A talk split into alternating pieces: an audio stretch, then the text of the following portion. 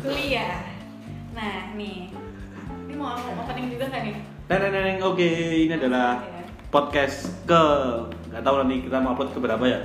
Kali ini akan bahas salah satu fenomena sebagai anak yang pernah kuliah gitu kan ya. Eh, kita pernah sama-sama satu kampus meskipun beda jurusan jurusan. Jurusan. Kita di psikologi aku di FISIP gitu kan. Dan kita akan coba bahas soal fenomena eh, pro dan kontra. Kenapa sih atau apa sih manfaatnya kuliah tiga setengah tahun? Oh gitu ya judulnya. Ah. Apa sih manfaatnya dan apa sih untungnya kuliah cepat-cepat? Soalnya baru-baru ini ada ini ya tweet seorang dosen yang bilang ngapain sih kuliah tiga setengah tahun, tapi ternyata Ya. CV-nya kosong kayak gitu. Nah ini kita mau mau sharing tentang pengalaman kita sebagai mahasiswa Di, yang mana gini, aku aku klarifikasi ya. Dia notabene eh, kita ini lulus tepat waktu dan aku adalah lulus di waktu yang tepat gitu kan. Artinya itu bisa menjadi eh, apa namanya pandangan kita masing-masing. Nah kalau dari kamu dulu deh.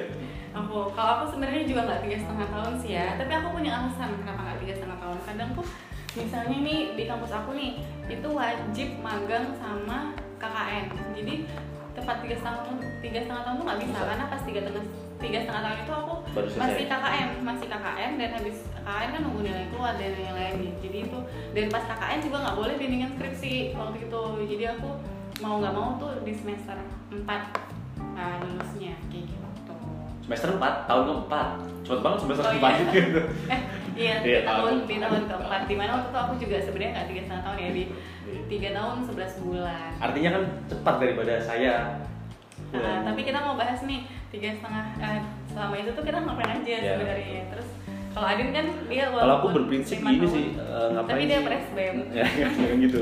Ngapain sih kita kuliah? Kuliah aku sih ngapain kuliah cepet-cepet gitu kan. Mungkin ada pandangan orang bikin eh, hal itu cuma alasan kamu untuk menunda pengangguranmu atau menunda yang yang sebagainya. Tapi aku berprinsip aku bisa memanfaatkan banyak hal dengan sisa sisa apa ya dengan kuota kuota kuliahku gitu kan.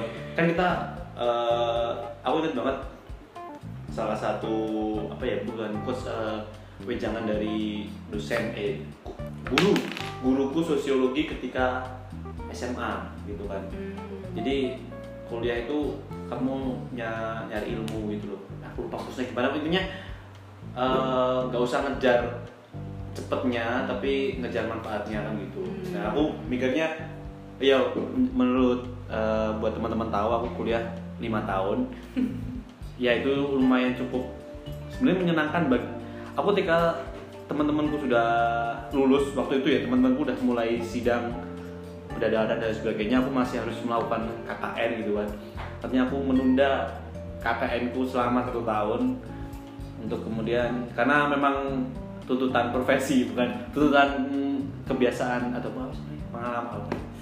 Aktivitas tuntutan aktivitas artinya aku harus menunda itu dan banyak hal yang bisa aku lakukan. Dan sampai saat ini aku masih berpegang teguh bahwa kuliah itu nggak harus cepet-cepet gitu.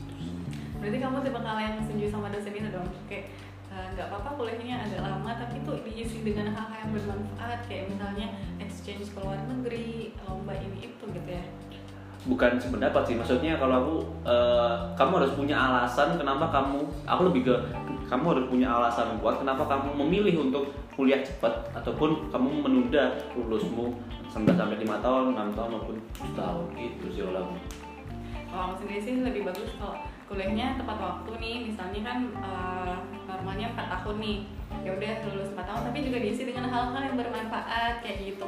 Dan itu bisa kok gitu. Kadang dulu tuh aku tuh sering banget dengar ah anak BEM ini lulusnya udah lama terus IPK-nya satu koma kayak gitu kan. Terus itu aku men-trigger aku tuh.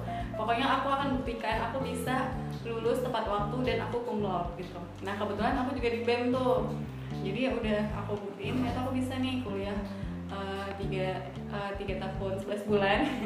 Tiga tahun 11 bulan. Terus habis itu aku juga aktif di BEM dari aku awal masuk di himpunan juga gitu. Tapi emang bener sih yang kata dosen itu aku juga setuju tuh. Aku tuh misalnya aku tuh nggak ada ikut-ikut lomba nggak ada ikut exchange gitu. Kayak karena nggak kepikiran karena terlarut dalam organisasi.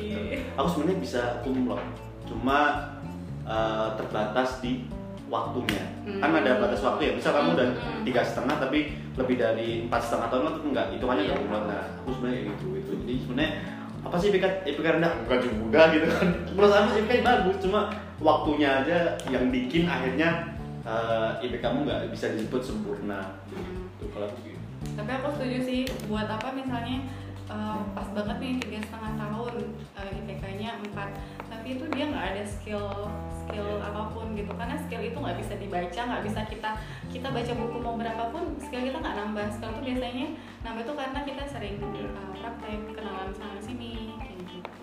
Tapi balik lagi benar Eh, orang tiga kuliah tiga setengah tahun itu banyak banget alasannya. Misalnya terkendala biaya sebagainya itu banyak banget jadi intinya sebenarnya nggak usah dijudge itu pilihan orang Oh gitu ya. Akhirnya kita kembali ke situ lagi.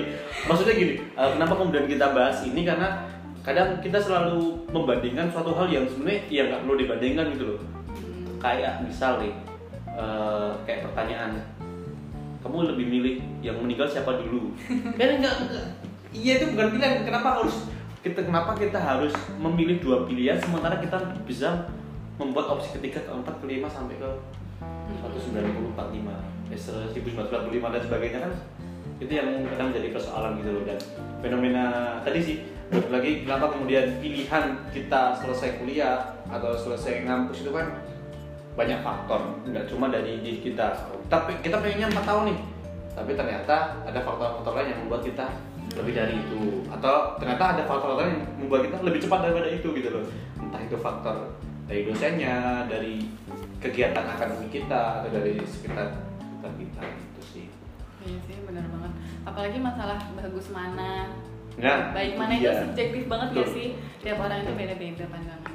Jadi emang nggak bisa distandarisasikan nih misalnya yang bagus itu yang gimana gitu. Apalagi masalah aku punya temen yang dia memang di angkatanku dia lulus pertama kali gitu kan. Hmm.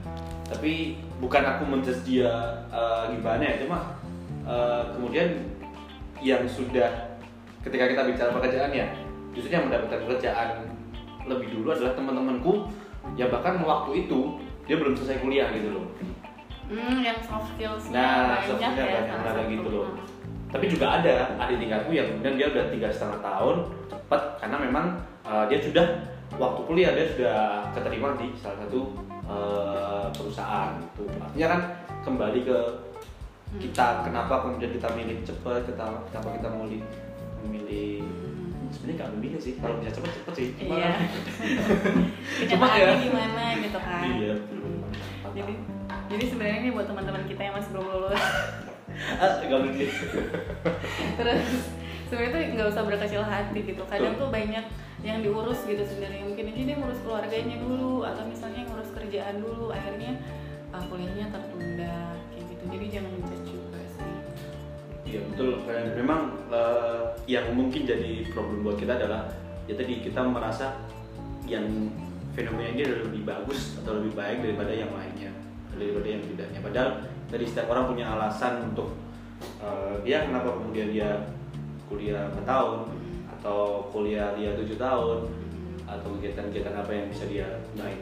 Baru- Baru-baru ini hari yang lalu ya hari yang lalu aku lihat dari story WhatsApp temanku deh uh, temennya dia itu hampir depo tujuh tahun tapi dia selesai dan itu adalah fakultas kedokteran gitu artinya rencana dia mau pakai mau jadi dokter gitu kan tapi ternyata dia sampai nah, tahun Oh, nggak iya? masalah iya Hmm. fotonya pakai gitulah jadi mm, nggak dokter banget gitu kalau bahasa orang kita nggak dokter tapi mungkin dia punya alasan kenapa kemudian dia Iya. kan kadang eh, orang ada nih orang yang ini fenomena teman-teman dulu sih. Kenapa dia pengen cepat atau pengen lama? Karena faktor eh, orang tua bisa. Maksudnya orang tua bukan karena biaya ya kayak Mhm. dia tuh disuruh orang tuanya harus kayak gini gini gini gini. Bahkan ada teman gue yang sekarang S2 gitu kan. Bukan karena kemauan dia emang karena Hmm. disuruh orang tuanya udah dikasih udah nih. Semuanya dia milih S2 sendiri. Banyak faktornya. Banyak ya. faktornya jadi intinya tuh jangan bandingin diri diri sendiri dengan orang lain juga. Itu kadang tuh karena ada fenomena-fenomena kayak gini ada beberapa orang yang akhirnya membandingkan dirinya oh iya ya benar aku tuh kayak gini-gini. Nah itu tuh nggak adil gitu sebenarnya buat diri kita. Kalau mau mau membandingkan diri bandingkanlah dengan diri kita sebelumnya kayak gitu. Apakah ada progres atau takutnya itu bikin orang apa ya, merasa inferior kayak aduh kok aku gini ya? Mungkin dia salah atau secara psikologi gimana ya. Maksudnya dia mikirnya eh, karena mungkin banyak orang yang bahas ya ini kayak fenomena pertanyaan kapan kapan kapan gitu loh kan kapan lulus kapan nikah kapan punya anak kapan mati dan sebagainya kan itu jadi eh, eh, kadang kita kita dikembali ke kadang kita tuh nggak nggak tahu tempat nih belum tahu nggak tahu tempat ketika kita ngobrol dengan orang lain atau dengan Hmm. seseorang yang mungkin menurut kita itu biasa aja tapi ternyata menurut orang lain itu menjadi suatu hal yang menusuk teman Hmm. oh itu yang kadang itu kalau di psikologi gimana sih kita Oke, kalau aku sih gini, jadi itu misalnya kita kita lagi ngobrolin sama orang terus ternyata dia A B E gitu. Yang itu mungkin nggak dalam pandangan kita, kok gitu ya gitu. Nah, eh, stop eh, melihat dari apa yang orang lakukan, tapi lihatlah alasan dibalik mereka melakukan itu. Nah, itu tuh akan berbeda banget gitu loh persepsi kita. Misalnya nih contoh kayak misalnya lihat ih Aden kuliahnya lima tahun gitu. Mungkin eh, ada yang ada yang mikir iyalah dia main-main mulu, demo mulu, aksi mulu gitu di BEM gitu kan. Tapi ternyata misalnya dibalik itu oh ternyata pas kita tahu alasannya kenapa kuliahnya lima tahun misalnya nih alasannya apa nih Din? ya apa ya misalnya nih oh ternyata dia ada berapa nih beberapa yang harus diurus di rumah misalnya dia emang fokus dulu bantuin keluarganya selama satu semester atau berapa itu kan akan membuat persepsi kita jadi beda lagi nih persepsi kita jadi beda lagi. Oh ternyata dia ini ya uh, bantuin orang tuanya dulu gitu. Itu akan jadi beda. Alasan ya lebih ke jadi alasan. uh-uh. kayak orang lihatnya wah ini lulusnya lama ini lulus lama nih kayak oh, banyak yang ngulang. Aku sama sekali nggak ada satu mata kuliah pun yang aku ngulang luar gitu. biasa. Cuma emang iya waktunya aja gitu. Aku cuma KKN CKN aku menunda bukan mengulang sih menunda. Hmm. harusnya aku udah input di tahun ke berapa sih semester 7 ke 8 7 ke 8 kalau aku ya 7 ke 8 aku ambilnya ke 9 ke 10 kan gitu ada 7 tahun jadi alasannya ya Alasannya mungkin iya. akan mulia gitu ya. Ya berasa sama di tingkat gitu maksudnya. Oh, jadi setelah mengetahui alasan mungkin kita bisa jadi tambah negatif tuh bisa. Sebenarnya. kan dapet hikmah di situ. Tapi intinya tuh emang lebih ngeliat ke alasan sih, karena ya emang bisa berbalik tadi gitu ketika kita tapi jangan juga gitu. banyak alasan Oh, kadang kita bikin-bikin alasan loh oh gitu. Padahal eh, artinya kembali ke fenomena atau bukan fenomena sih, kembali ke ya tadi eh, kenapa kemudian kita berprinsip mau ambil ini atau kenapa kemudian kita memilih ini gitu loh. Jangan sampai ya tadi kita menyamaratakan perspektif, perspektif kita ke orang lain gitu kan. Oh harusnya tuh lulus tiga setengah harusnya lulus empat tahun harusnya harusnya kamu tuh mau apres harusnya harusnya harusnya, harusnya kamu harus presiden Bim, semuanya harusnya semuanya aja gitu. Ya intinya tuh kalau kita udah punya alasan kuat nih, kenapa kita ngambil itu ya udah orang mau bilang ABC ya udah bodo amat kayak gitu. Karena kita tahu yang ngejalanin kan kita sebenarnya Betul. apa pun yang kita hadapi nanti mereka tuh nggak akan bantuin, mereka juga nggak akan. Nah, dan selaras dengan alasan adalah tanggung jawab gitu loh. Itu yang kadang uh, orang lupa. Orang punya alasan, semua orang punya alasan, tapi nggak semua orang bisa mempertanggungjawabkan alasan yang dia kemukakan gitu sih. menerima konsekuensi dari yang dia pilih ya. Betul. dulu tuh aku juga pernah bilang ke orang lain gitu dia tuh bingung nih mau milih yang mana karena semuanya pasti ada konsekuensinya gitu akhirnya aku bilang gini ya udah pilih konsekuensinya yang bisa kamu tanggung gitu ya bisa nggak gitu menerima konsekuensi kadang semua pilihan itu ada yang baik karena ada semua pilihan itu ada buruk-buruknya semua ya udah pilihlah yang bisa kamu Ya. jalanin yang bisa Kalau kamu nggak bisa ngambil semua kebaikannya, minimal ambil yang sedikit yang keburukannya lebih sedikit daripada yang lainnya. Itu kayak kita milih ya milih-milih apa lah gitu kan itu kan yang Banyak. versi kita. milih kosan ya milih kosan kan yang buruknya sedikit atau milih calon jabat itu sih soal uh, fenomena kuliah. kuliah cepet atau lama itu kan. Ya menurut kita ya itu terserah kembali ke masing-masing dari kita gitu ya. Mau cepet mau lama. Yang penting kita punya alasan kenapa kita mau milih itu semuanya. Dan kita siap bertanggung jawab atas alasan-alasan yang kemudian uh, kita kemukakan atau kita jalani gitu. Jangan sampai ya kita lulus lama banyak alasan dan memang kita nggak sanggup untuk bertanggung jawabannya gitu kan. Hmm.